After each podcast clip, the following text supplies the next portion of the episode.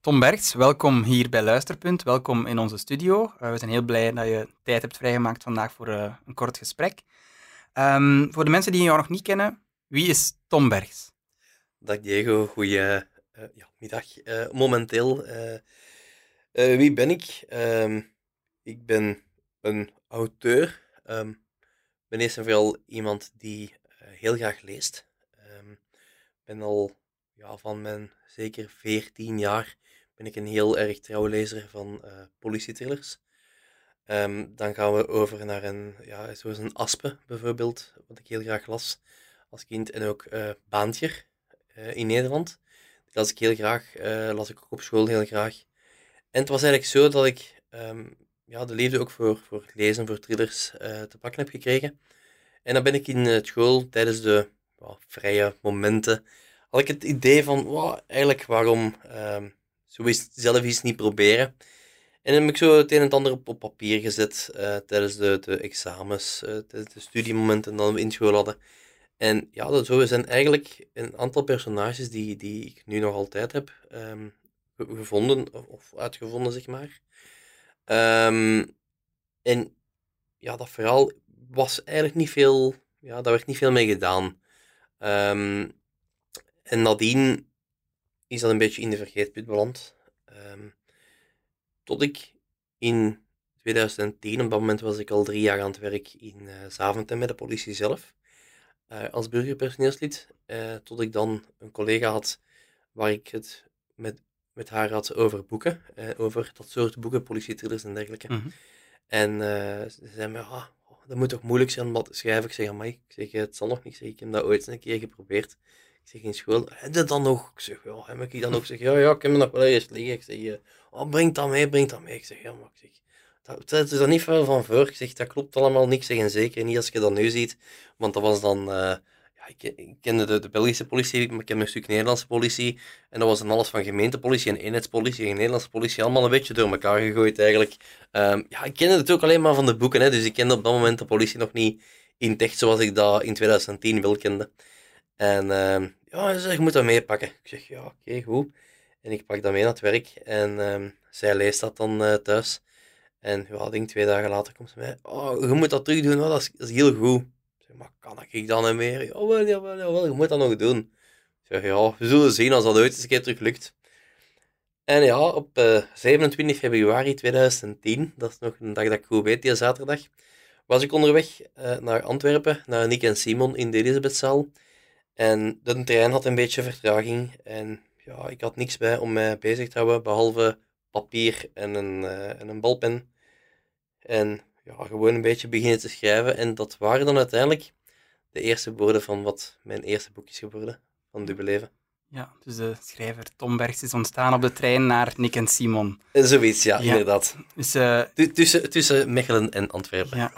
Daar schreef je de eerste woorden van ja, uh, Dubbelleven. Intussen heb je drie romans uh, op jouw naam staan. Klopt, drie volledige, ja. Dubbelleven verscheen in 2015 bij Mira Loves Books en is later nog eens opnieuw uitgebracht bij uitgeverij Het Punt. Klopt. Daarna volgde Wraakzucht in 2018 en dan in 2020 volgde Concurrentie. Inderdaad. Uh, dus je hebt nu drie boeken op jouw naam staan. Mm. Um, dus jouw boeken spelen zich allemaal af in, in Haagt, Keerbergen, Boord, uh, Meerbeek, die streek. Dus mm -hmm. Aspe, die schrijft vaak in Brugge. We hebben uh, Jo Klaas, die schrijft over Thomas Berg in Leuven. Dan hebben we Sterre Caron Mechelen. in Mechelen, enzovoort. En jij hebt gekozen voor een setting in Haagt. In Van waar die keuze? In eigen regio.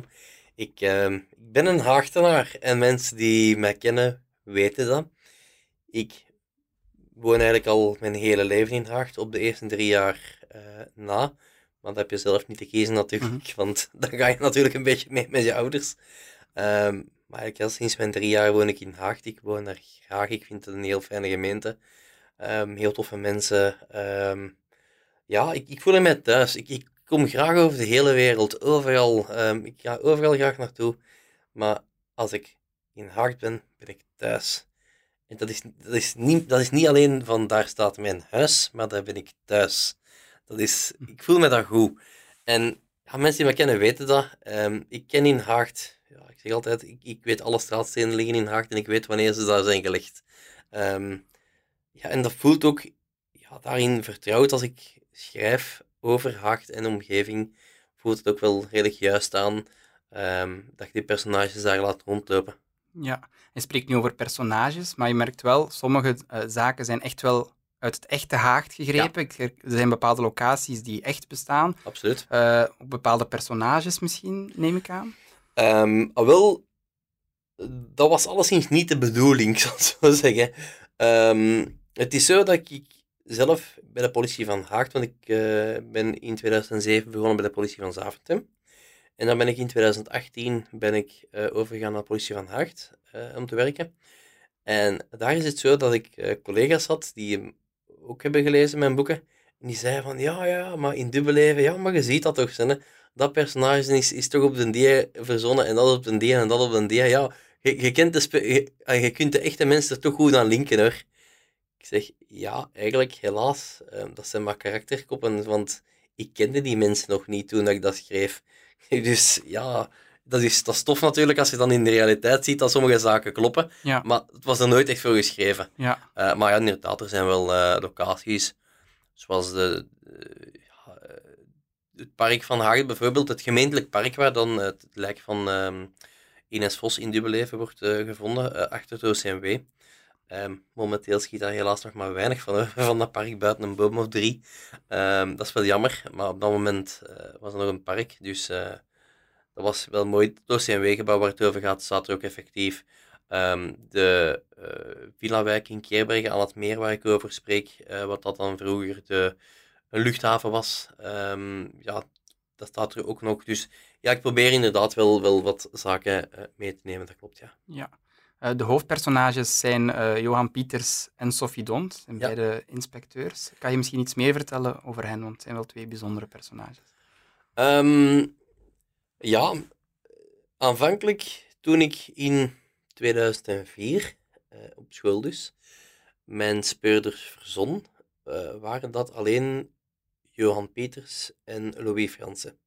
Dat was mijn duo op dat moment, hoofdinspecteur Louis Fransen en inspecteur Johan Peters. En dan had je op dat moment ook nog wetsdokter Ludovic van Hoven, die ook nog altijd uh, terugkomt. Dus die mensen ben ik al uh, mee bezig van toen. Um, en Sophie is eigenlijk pas ja, in, in, de, in de latere versie van Dubbeleven. Je moet weten, Dubbeleven is, uh, heeft zeven versies gehad. Dus ik ben daaraan begonnen te schrijven in 2010 en die was klaar in 2015. Ik heb mm. er vijf jaar over geschreven in zeven verschillende versies. Dat is heel veel geschreven, geschrapt en ja. dan van plaats verwisseld en tot, tot het was wat het, het uh, nu was. Um, en daar had ik dan het idee van, oké, okay, goed, um, in mijn hoofd was ik al van 2004 bezig met die speurders. En ik zeg van, ja, die, die zijn in mijn hoofd ouder geworden. Dus laat ik die ook in die boeken al die oudere leeftijd hebben.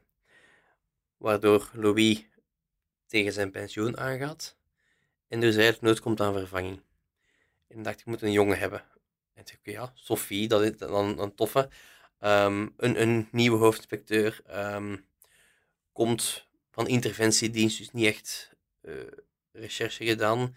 Dus allemaal nieuw voor haar. Uh, van, van Brussel komt ze naar, uh, naar een kleine zoon als die van Hacht. Um, komt ze dan terecht bij een, ja, een, macho gelijk mm -hmm. Johan die het niet echt begrepen heeft op vrouwen. Um, ja, Johan heeft ook jaren altijd samengewerkt met Louis. politie was vroeger vooral mannenbastion natuurlijk. Um, dat is in de loop der jaren ook wel stevig veranderd. In sommige korpsen zitten er nu zelfs meer vrouwen dan mannen. Um, maar aanvankelijk was dat vooral een, mannen, uh, een mannelijke bezigheid. En ja, Johan komt nog echt uit die periode van, van vooral de mannen. En, en links en rechts is een vrouw, maar vooral de mannen. Um, ja, en dat... Johan heeft ook zo zijn, zijn redenen, weten we dan in Dubbeleven, om, uh, om het niet echt voor Sofie te hebben.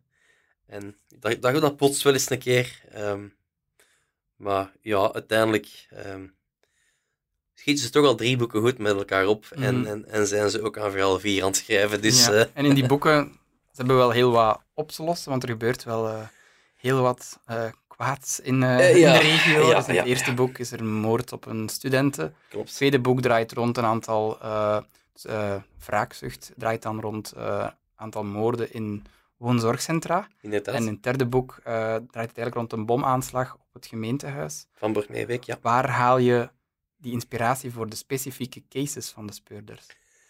Nergens specifiek. Gewoon zoals op dat moment bij mij binnenkomen. Ja, want het woonzorgcentrum is toch wel een specifieke setting voor ja, een moord Ja, dat was nooit echt een, een, een idee.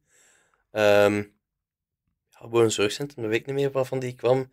Ik weet wel bij, bij concurrentie, bij de bomaanslag, um, had ik eens ooit zoiets van, ja, um, er zat er in mij van vingerafdrukken en, en, en wat als iemand uh, dood wordt verklaard, want je hoort dan veel, zoals bijvoorbeeld een Steve Fawcett die, um, die, die, lucht, die met een luchtballon uh, de, de, wereld is rondgereisd. Steve Fawcett is dan doodverklaard. Ze hebben hem nooit gevonden. Ik weet niet of misschien ondertussen wel. Maar sinds, uh, dacht ik, nooit gevonden. Is dan doodverklaard. Maar ik denk van, wat als die persoon toch nog leeft? En dat lijkt me dan een, een, een leuke aanzet voor concurrentie van eigenlijk iemand die dood is, kan perfect een moord plegen met zijn vingerafdrukken. Ah ja, want officieel bestaat die niet meer. Mm Dus als je die gaan, gaan denken in het systeem, die bestaat inderdaad, en zeggen, oké, dat is een die, dan zeggen ze, ja, maar oh, die is eigenlijk al elf jaar dood. Dus dat lijkt me dan wel een, wel een toffe invalshoek. Voor de rest, nee, eigenlijk komt het gewoon binnen, het op dat moment binnenkomt, daar wordt niet over nagedacht. En ik kan me daar ook in vastrijden. Um, voor nu de, de vierde, die Sorry zal heten, um, had ik de eerste 70 pagina's geschreven. De eerste 70 boekpagina's geschreven. Op een manier wat ik op dat moment, wat ik op dat moment goed vond. Ik van, dat is wel dit leuk. En ik heb ze uiteindelijk gewoon weggegooid, omdat ik uh, mee aan het vastrijden was. Ik was er niet tevreden over. Ik vond het te ver gezocht. En ben gewoon opnieuw begonnen. Aan uh, een totaal nieuw uh, boek, dat nog altijd Sorry zal heten, uh, maar een totaal andere invulling. Ja, dan kijken we alvast naar uit. We zijn heel benieuwd.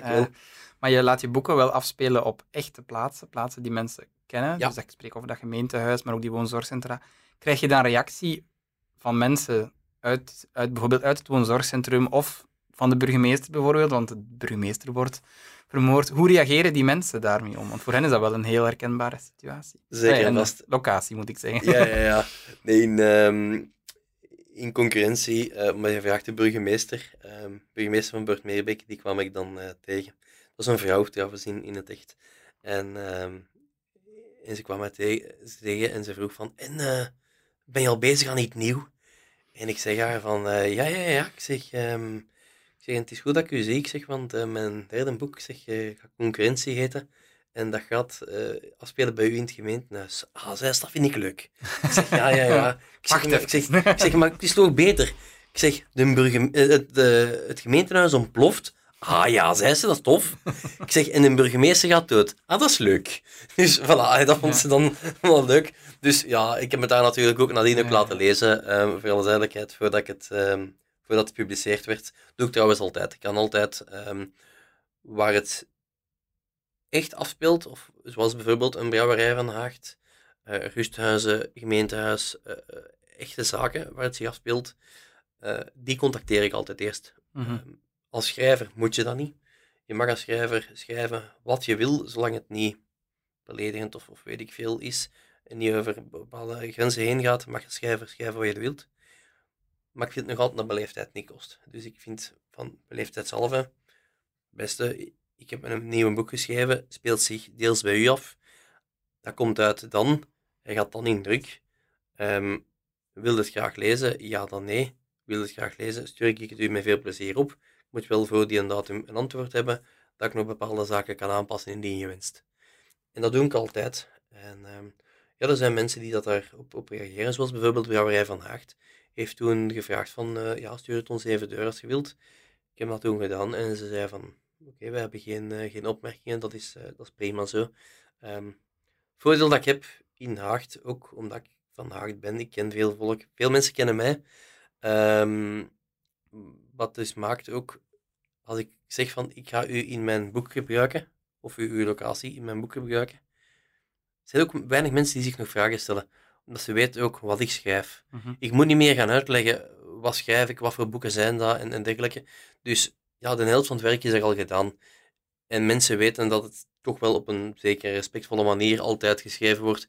En dat als ik iets schrijf over een brouwerij, dat ik niet ga doen met de brouwerij, maar dat dat niet meer is als een locatie, een setting.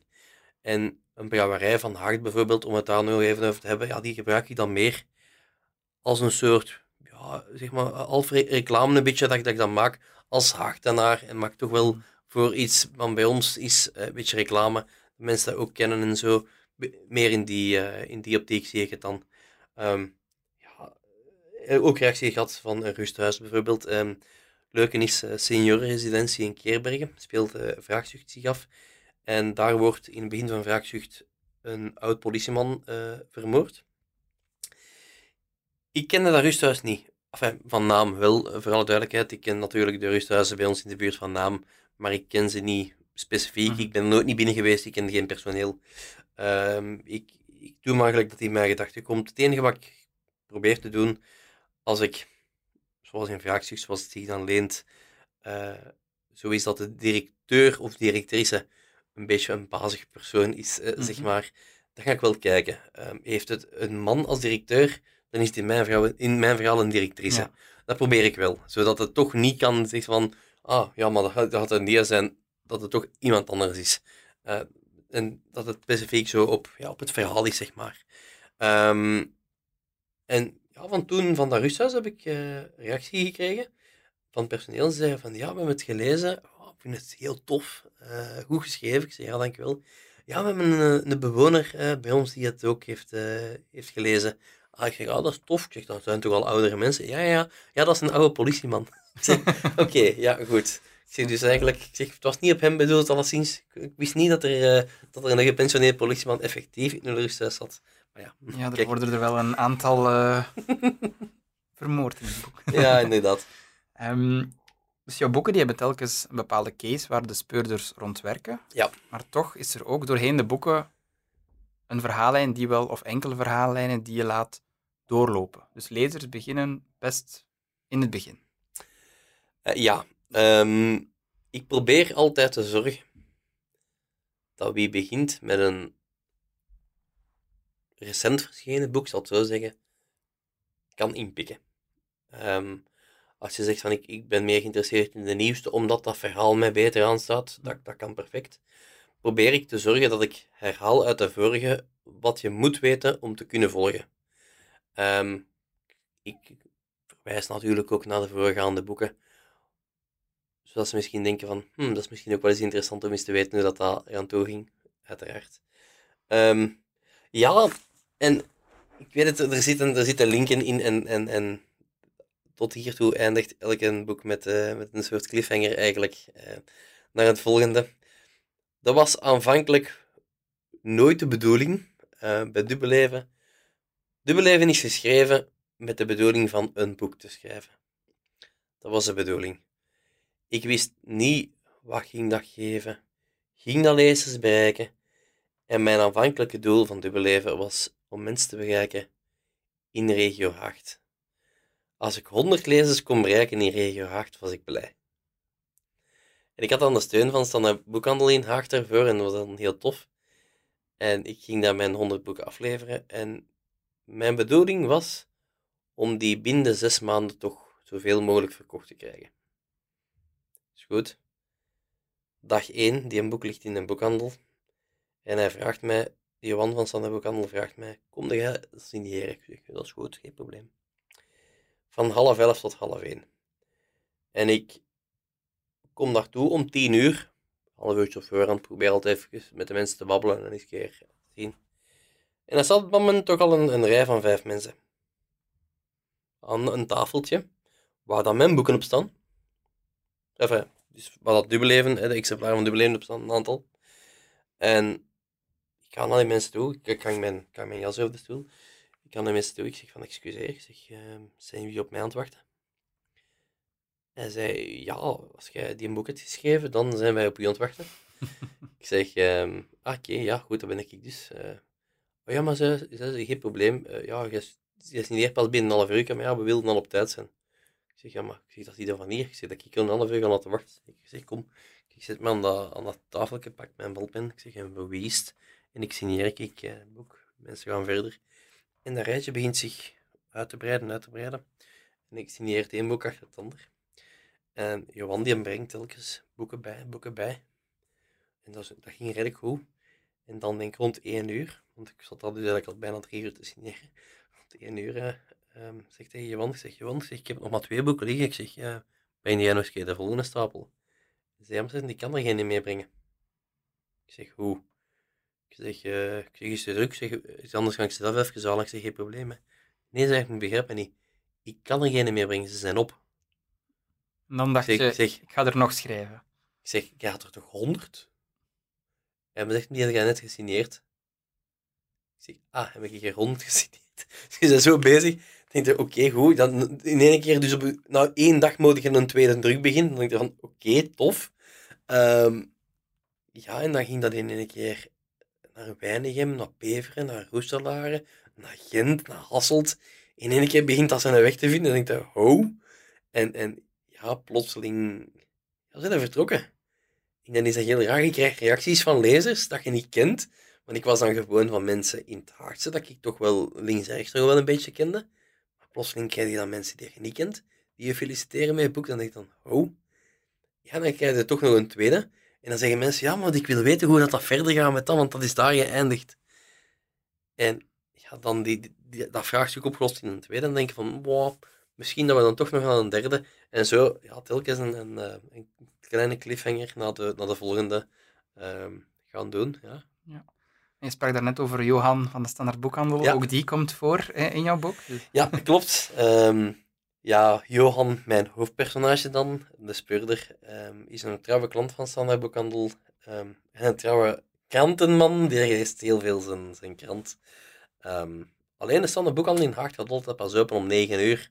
En Johan die is zo graag op, uh, op tijd op zijn werk natuurlijk. En uh, wat zegt Johan, mijn speurder dan, van, ah, weet je wat, ik kan ik om half negen, kan ik bij de Johan van Sander Boekhandel aan de achterdeur alvast mijn krant halen. Ik betaal die en uh, ik kan met mijn krant naar het werk. Dat is gemakkelijk.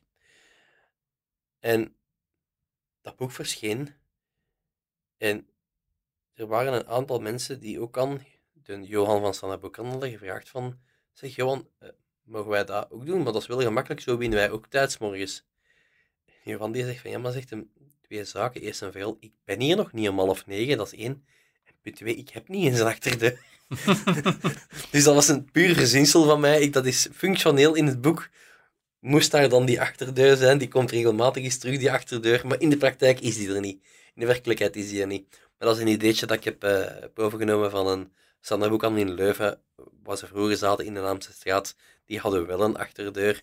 En daar gebeurde het af en toe dat mensen eens een keer al een krant kwamen halen op weg naar en betaalden en zo. Dus een ideetje dat ik vandaag had. Maar, ja, uh, vandaar. Ja, ja, ja. um, je sprak daarnet al over jouw job bij de politie. Um, In welke mate heeft jouw job een invloed op jouw schrijven en op jouw boeken?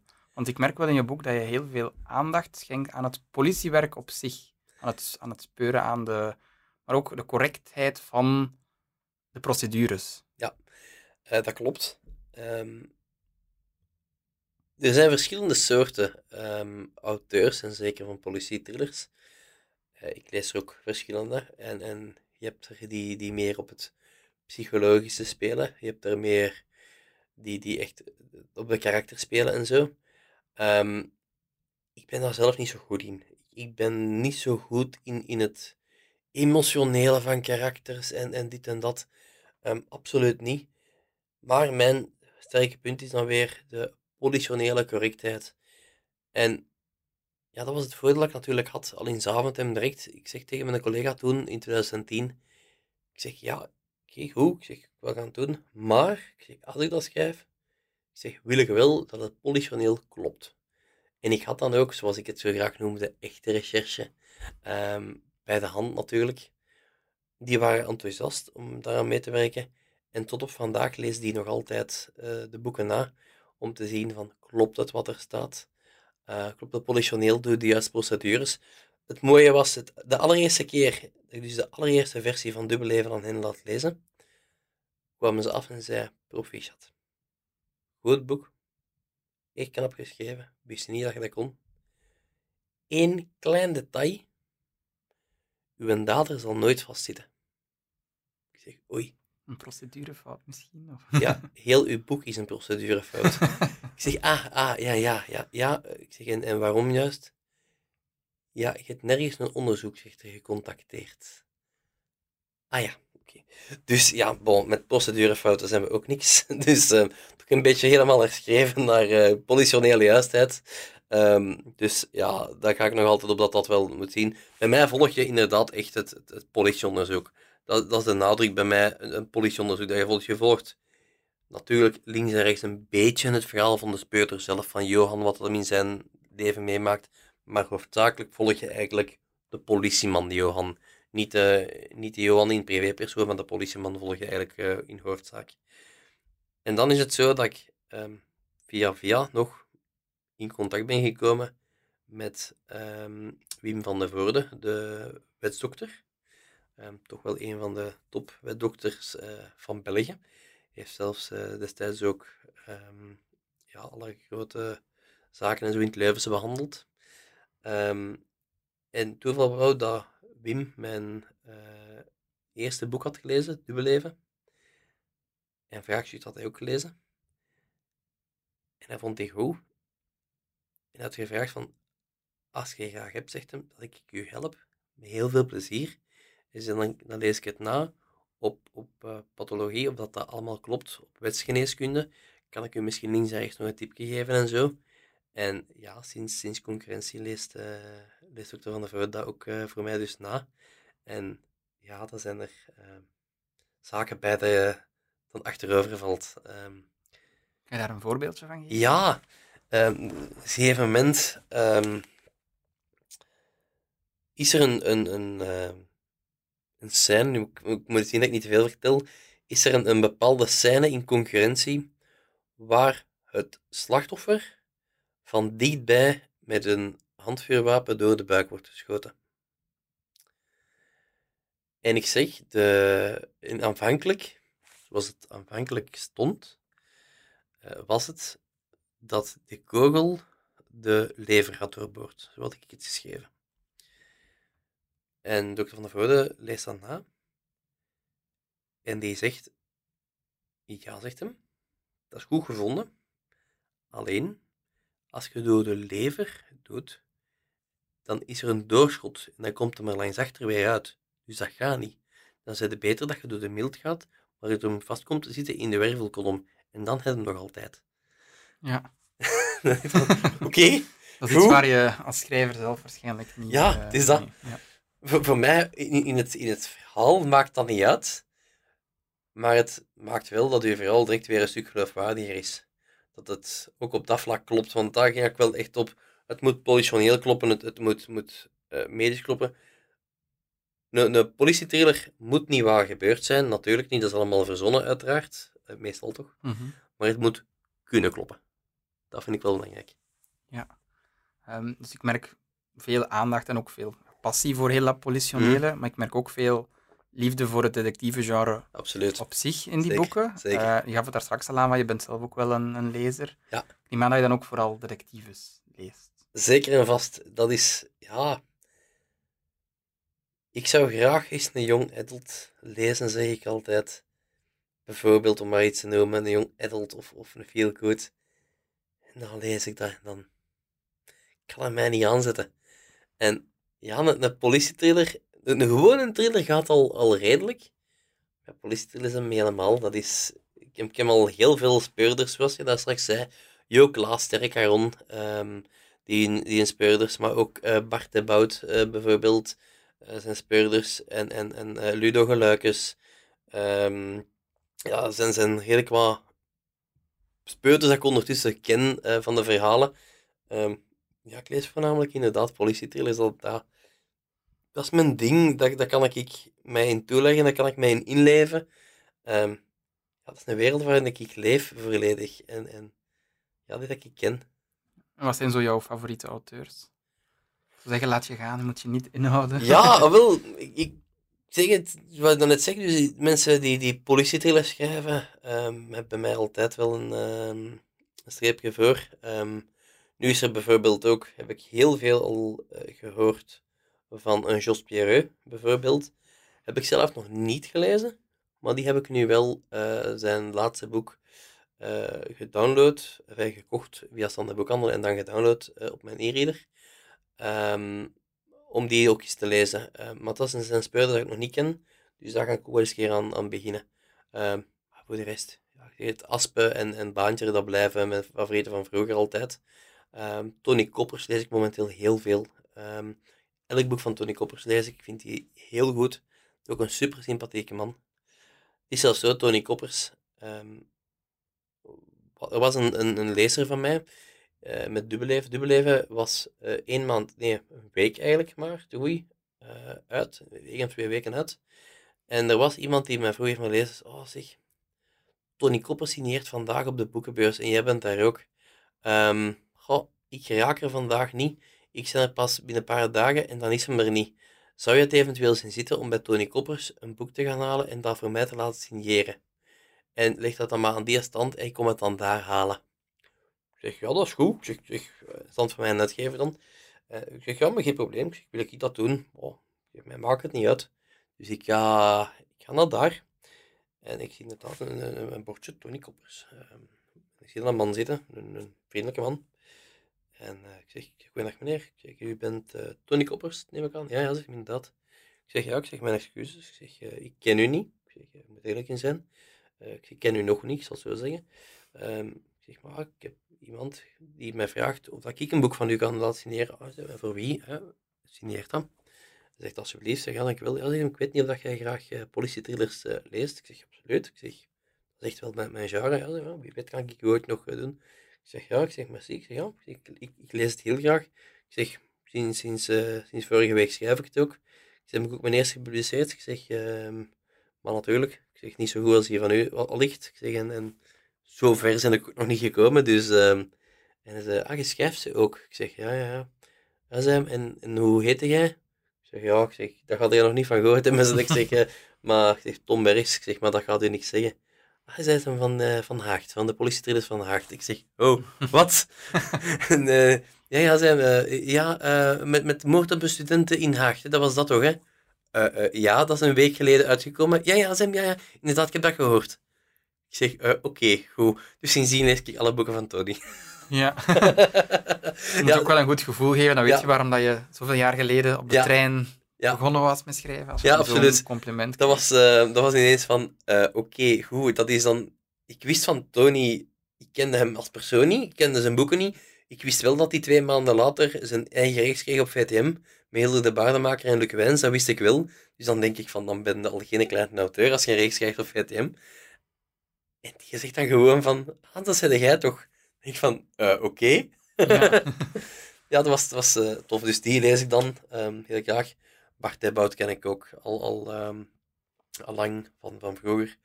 Um, Rudy Soetewij bijvoorbeeld, die schrijft de gewone thrillers. Dat zijn geen politietrillers, maar de gewone thrillers. Uh, Rudy ken ik al iets langer. Die, daar heb ik vroeger een schrijfcursus bij gevolgd. Die heeft mij eigenlijk... Rudy uh, Soetewij en de mensen van uh, Kramat, van uitgeverij Kramat, vooral Wim dan, zijn eigenlijk de twee mensen die mij gecoacht hebben op het gebied van schrijven. Uh, ik heb bij Rudy een schrijfcursus gevolgd. Um, Rudy heeft mij ook heel erg gecoacht van, je moet dat doen, je moet het zo doen, je, je moet dat eens herdenken en, en zo en zo. En dus eigenlijk al hetgeen waar ik nu sta, hoe dat mijn boeken er nu uitzien, heb ik eigenlijk grotendeels te danken aan de vele hulp van uh, Rudy Soetewij en van Wim van Kramat. Volledig. Zegt nu Rudy Soetewij. Is het toevallig dat jouw onderzoeksrechter in het boek ook Soetewij heet? Is dat een uh, Dat is er inderdaad wel... Uh, ja, dat, ik, ik, ik beken, ik pleit schuldig. nu, ik heb nog een moeilijke vraag voor jou. als je nu van al die auteurs en al die boeken die je leest, één boek zou mogen aanraden aan onze lezers. Ik kan er veel aanraden aan jullie lezers. Ik denk dat van de van de boeken dat ik heb opgesomd, dat de meeste in jullie aanbod zitten, denk ik. Dus um, ik zou de mensen sowieso een tip willen geven van, van ga, ze, ga ze lezen. Um, En toch kan ik nog een ander, uh, nog een ander boek aanraden. Uh, geen, geen politietriller, maar een gewone thriller. Um, we zullen het Liefde noemen van Tine Bergen. Tine is een fantastisch toffe madame uh, van bij ons in de regio. Um, ik ken ze heel goed. Ik heb ze leren kennen ook via het schrijven. Door samen een paar zaken te doen. We hebben samen ook in Boekjagersboek geschreven. Um, we, hebben, we hebben al samen signeersessies gedaan en dergelijke. Um, ja, ik ken ze, ken ze goed. En het is een, een super toffe dame. Ze schrijft ontzettend goed. En ja, ze komt hier bij Luispunt ook uh, haar boeken zelf inlezen. Klopt. En ja, de eerste keer dat ik zelf hier iets ben komen inlezen bij Luisterpunt, um, toen dacht ik van, oké, hoe moet dat? En ik ging naar de website van, uh, van Daisy Braille uh, boeken. En ik kreeg de catalogus en, en ik kom bij Tien de Bergen terecht en ik zeg van, wauw. Dat is zo goed gelezen, dat is zo goed voorgelezen. Um, ja, ik zeg van, dat, dat moeten mensen zeker, uh, zeker eens beluisteren, ja. Oké, bedankt voor de tip. Nu, het boek dat je aanraadt heeft inderdaad ook zelf bij ons ingelezen, dus dat is extra fijn. Absoluut. Um, dus je haalde het daarnet ook al aan. Het is niet de eerste keer dat je hier bent eigenlijk in onze nee. studio. Je hebt hier enkele maanden geleden een tekst ingelezen. Klopt. Welke tekst heb je hier ingelezen? De tekst van Gedropt. En dat was het, uh, mijn tekst, voor, of mijn verhaal voor het boek van de Boekenjagers. Boekenjagers, um, wie het nog niet kent, dat is een, een groep op Facebook. Telt ondertussen 75.000 mensen en op 27 augustus uh, vijf jaar. Um, van, uh, dus 27 augustus 2016 opgericht en dus ondertussen bestaat dat dus vijf jaar. En naar aanleiding van dat vijfjarig bestaan is er dan een boek gekomen um, wat eigenlijk de aanvankelijke bedoeling had voor een beetje anekdotes en zo. Um, foto's en anekdotes, dat soort zaken. Uh, en omdat ik zelf amper negen dagen na de start in 2016 lid ben geworden, dus ik ben een van de anciens, mm -hmm. uh, en toch ook wel actief ben op die groep, um, had Veerle, de oprichter, uh, gevraagd aan mij van, oh, zeg, het zou tof zijn moesten we daar een, een paar toffe verhaaltjes en zo van, van auteurs speciale verhalen kunnen doen. Zou je dat zien zitten om zo'n verhaal van 10 pagina's te schrijven? Ik zeg, oh ja, ik, zeg, wil dat wel doen. En ja, ik had dan geschreven, een, een, ja, een politietriller die zich in 10 pagina's dan um, afspeelt, nog altijd in Haagt, hè, in mijn, mijn eigen setting. Met Johan en Sophie. Met Johan en Sophie, zoals dat dan gaat natuurlijk. Um, die zich ja, volledig afspeelt bij ons. En waar iemand tijdens het droppen van een boek een lijk vindt. Um, ja, dat was dan een leuke, een leuke opzet. Ja, dat dan gemaakt. En ja, het was een tof verhaal. En ik ben dan hier mogen komen inlezen. En ja, dan kreeg ik van, van Veerle een beetje later. Was zo, ah, ja, en die schrijft ook mee. Ah, en die schrijft ook mee. En dan zie je in één keer een fantastisch mooi boek verschijnen. Waar dat fantastisch grote namen in staan. En ik denk van, wauw, hier mag ik tussen staan. Ja, en het is niet alleen een, een, gedrukt boek, er is ook een luisterboek ja. van in onze collectie. Ja, want, je hebt het zelf ingelezen. Hoe was dat om dat hier zelf in te lezen? Speciaal. Um, misschien zijn er mensen die mijn boek al gehoord hebben hier bij Luisterpunt of via andere wegen. Mijn gewone Pieters en Dont boeken uh, worden normaal ingelezen door Maxime van Dommelen. Dat is een, uh, dat is een actrice. Uh, professionele actrice die dat, dat wel doet, die, die speelt dat, die acteert dat. Is, je zit bijna een toneelstuk aan het luisteren, zeg ik altijd. Dat is super. Um, maar ja, zij doet dat professioneel. Dat is toch iets helemaal anders dan dat ik dat ging doen. Um, ik ben geen acteur, ik ben geen inlezer. Dus dat was wel, wel speciaal. Um, tien pagina's is niet zoveel, dus dat was redelijk snel ingelezen, dat wel. Uh, maar dat kwam toch wel redelijk wat stress bij te kijken van, oei, en dat moet zo en dat zo. En, en ay, zie dat ik mooi articuleer. En, en hm. ja, dat was wel... Um, en de nodige versprekingen natuurlijk, zoals dat dan gaat. Ja, je hebt het tot een goed einde gebracht. Dank je wel. Dat was een uh, poging. Uh, dat was de bedoeling. um, waar we het nog niet over gehad hebben, is over uh, hoe zo'n boek echt tot stand komt bij jou. Hoe gaat de schrijver Tom Bergs te werk van een eerste vonkje naar het uiteindelijke boek. Hoe ga je te werk? Bijvoorbeeld, hoe schrijf je jouw plot? Want een detectiveroman of een politieroman, die staat of valt meestal met het plot. Hoe ja. ga je daar te werk? Klopt. Ieder heeft eigenlijk zijn eigen manier te schrijven. Um, ze hebben mij ook al gevraagd, hoe werkt dat? Hoe, hoe moet ik een boek schrijven? En, en hoe moet ik dit en dat doen? En ik zeg altijd, je moet vooral doen waar je jezelf goed bij voelt. Als ik één ding heb geleerd in de loop der jaren, en ook van met Rudy samen te werken en van met, met een aantal collega-auteurs ook te spreken, is dat ieder zijn eigen ding heeft. Ehm, ik begin. Ik begin te schrijven, meestal de eerste 20, 30 pagina's van een boek schrijf ik.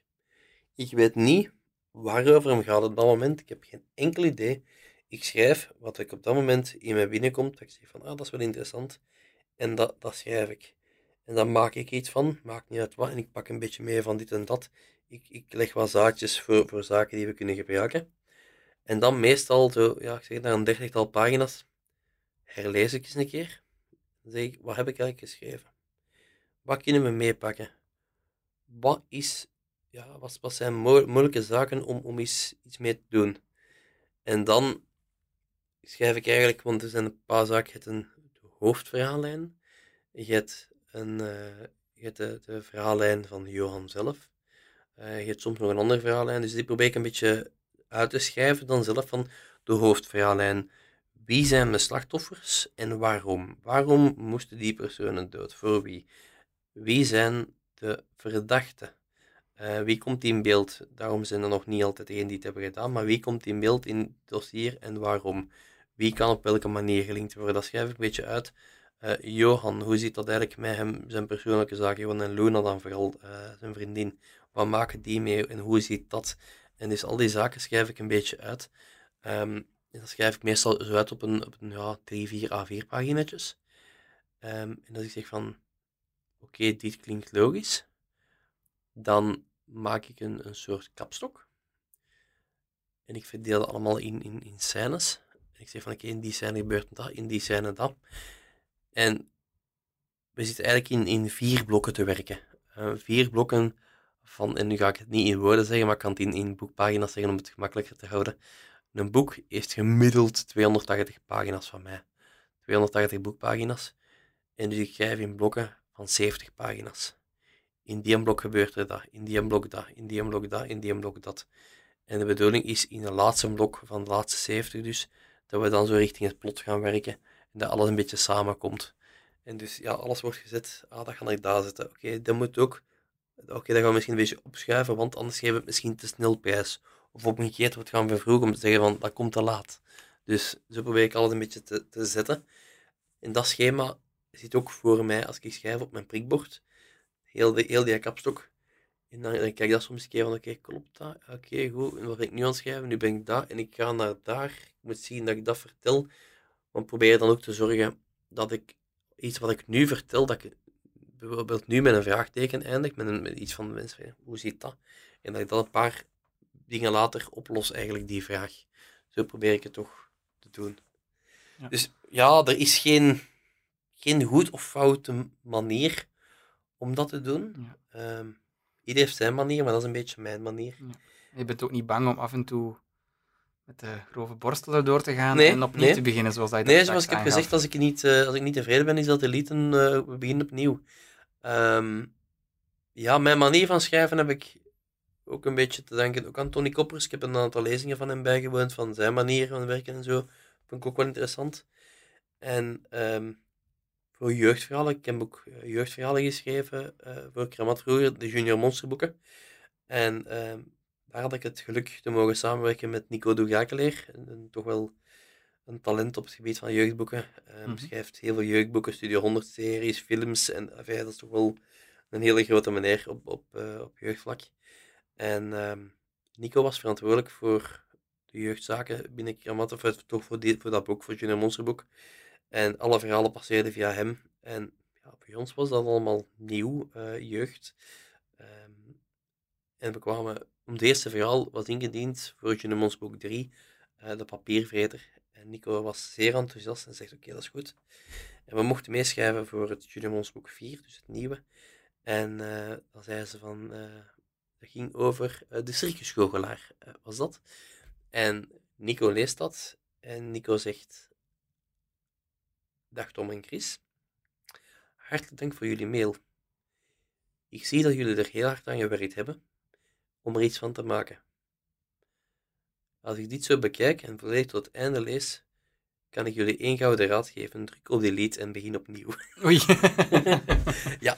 Toch ook even slikken. Uh, uh, uh, ja, dat was even slikken. Um, nu, om te zeggen, we voelden hem aankomen, dat is nu veel gezegd, maar zat ook niet helemaal goed. Mm -hmm. Maar je denkt dan van, oh, het zal wel goed zijn. Zeker in het begin, hè. Allee, mm -hmm. je, je, hebt nog niet zoveel ervaring. En dan denk je van, oh, het zal wel goed zijn. En ja, dan opnieuw begonnen en, en die nieuwe stonden we dan meer achter. Ja, tot we op een gegeven moment op een verhaal zijn gekomen. Helaas, Junior Monsboek 9 is nooit uitgekomen. Helaas. Het zal er ook nooit van komen. Um, dat verhaal kreeg ik van Nico volgende mail. Dag Tom, heb jullie verhaal gelezen. Het is het allerbeste verhaal dat ik ooit van jullie heb gelezen. Het is helaas nooit, nooit, nooit, ge, gepubliceerd. nooit, nooit gepubliceerd geweest. Uh, maar, maar het geeft wel aan dat het wel belangrijk is om de lat te blijven ja, hoogleggen en niet te denken van het zal wel goed zijn. Als je niet volledig achter staat, moet dat niet doen. En, en het kan mooi klinken, hè, zoals ik zeg, van de eerste 70 pagina's van, van boek 4 waren al geschreven. Dan denk je van ja, oké, we zijn er bijna. Allee, het verhaal staat er. Ja, toch niet helemaal overtuigd. En, het gaat weg omdat het, het, het klonk niet juist. Het, het, het voelde niet mhm. vertrouwd aan.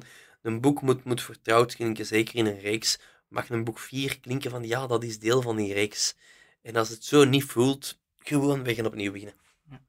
En hoe is het om voor jeugd te schrijven? Dat kan mij voorstellen dat het een heel andere aanpak is. Dat is een uh, zeer, zeer andere aanpak. Um, leuk. Um, mijn veelgezegde uitspraak daarin vind ik altijd.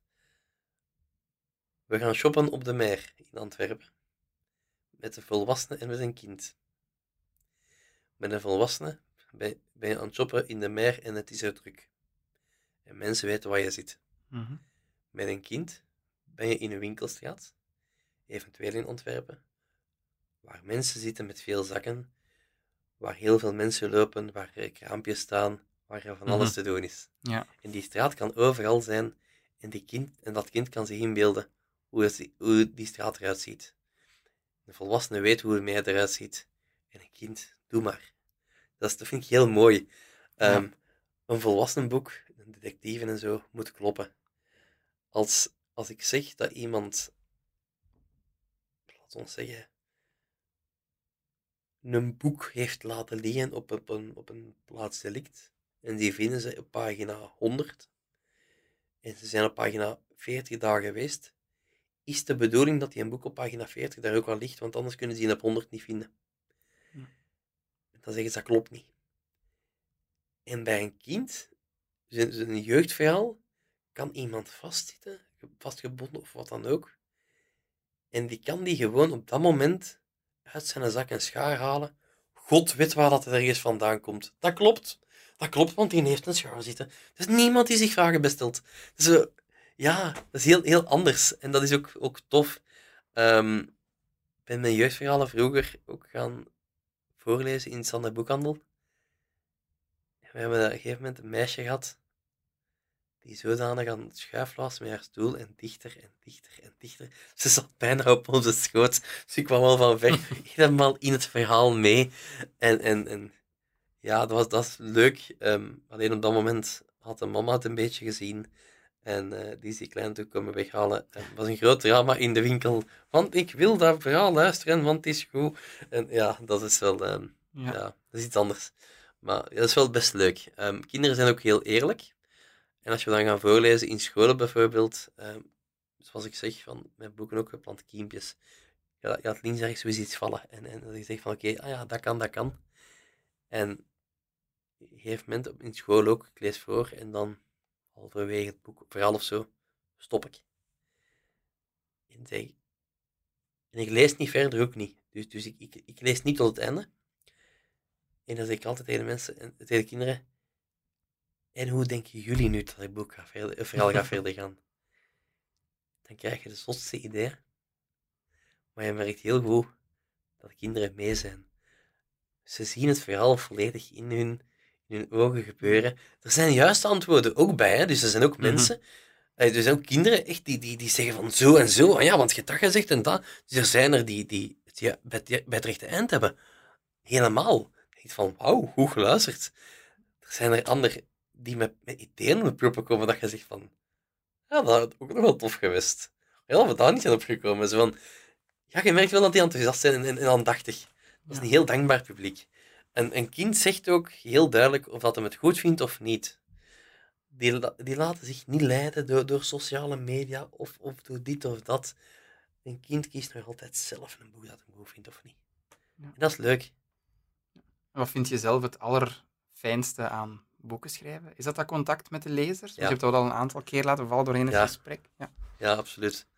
Ehm, schrijven is een, eigenlijk aan uw computer een redelijk eenzame bezigheid. Mhm.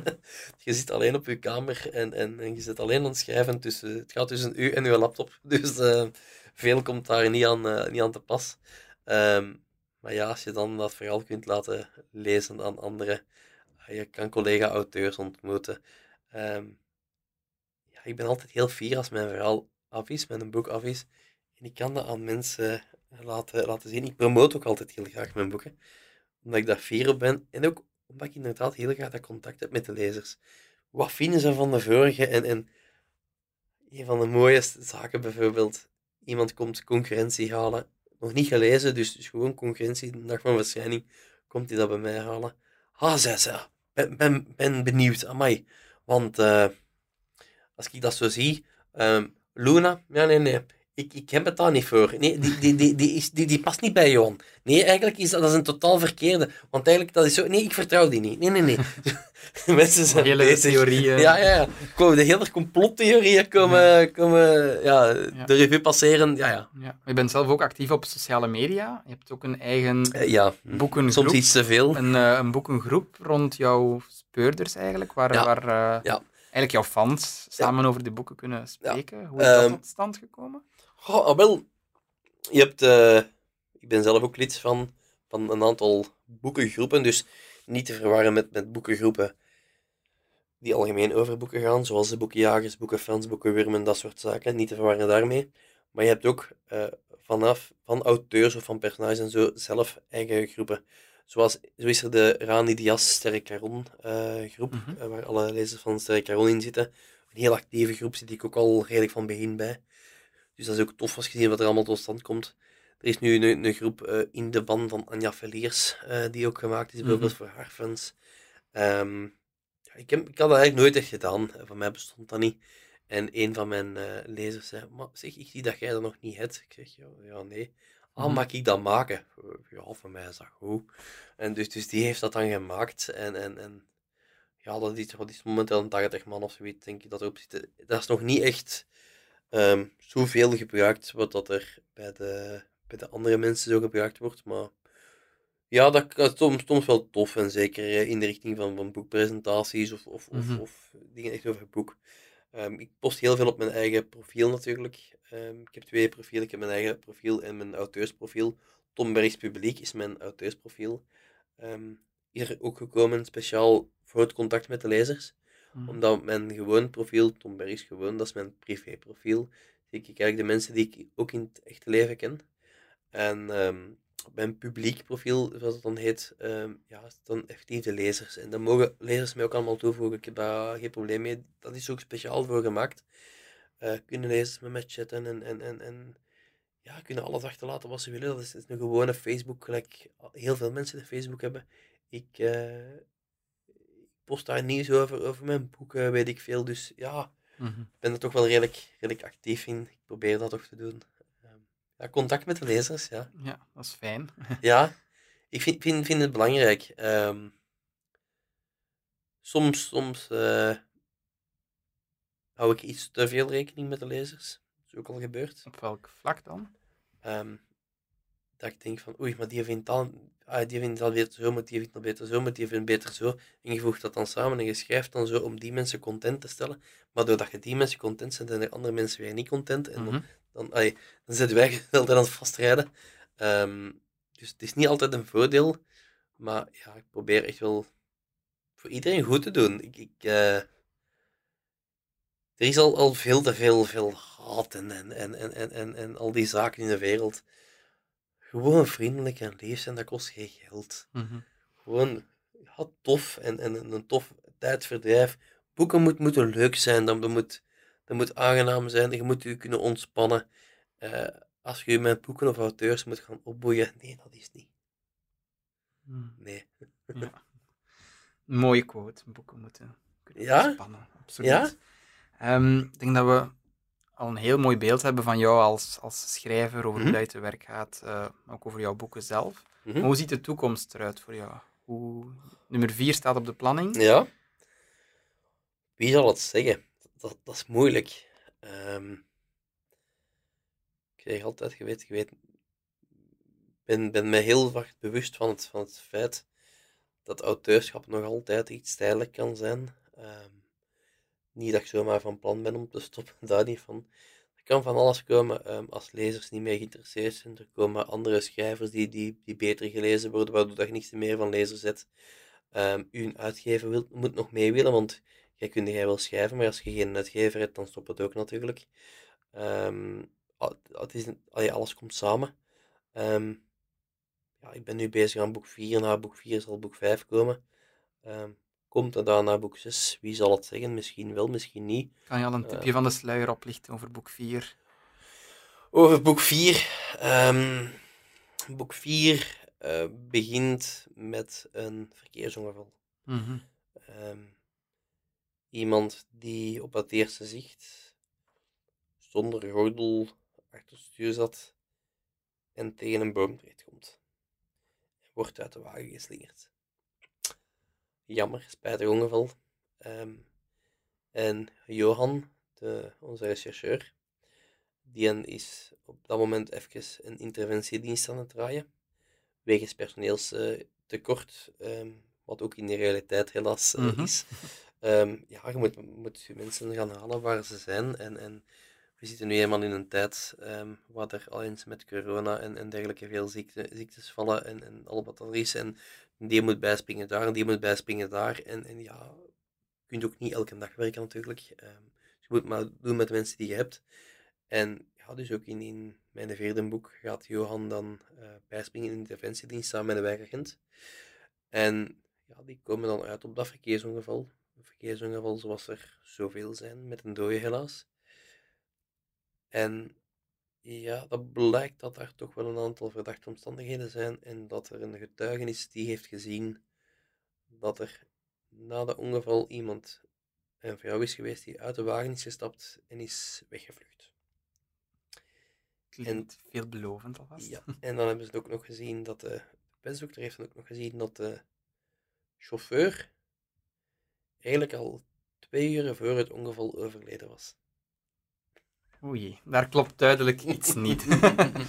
Oké, het klinkt heel goed. Eh, we kijken er alvast naar uit. Ik zou zeggen, veel succes en veel plezier vooral met het afwerken van boek 4. Dankjewel. Eh, ik wil je heel erg bedanken voor dit fijne gesprek. Met veel plezier. Dank u wel. En ja, we kijken uit naar het vervolg van de reeks. Dankjewel. Dank u wel.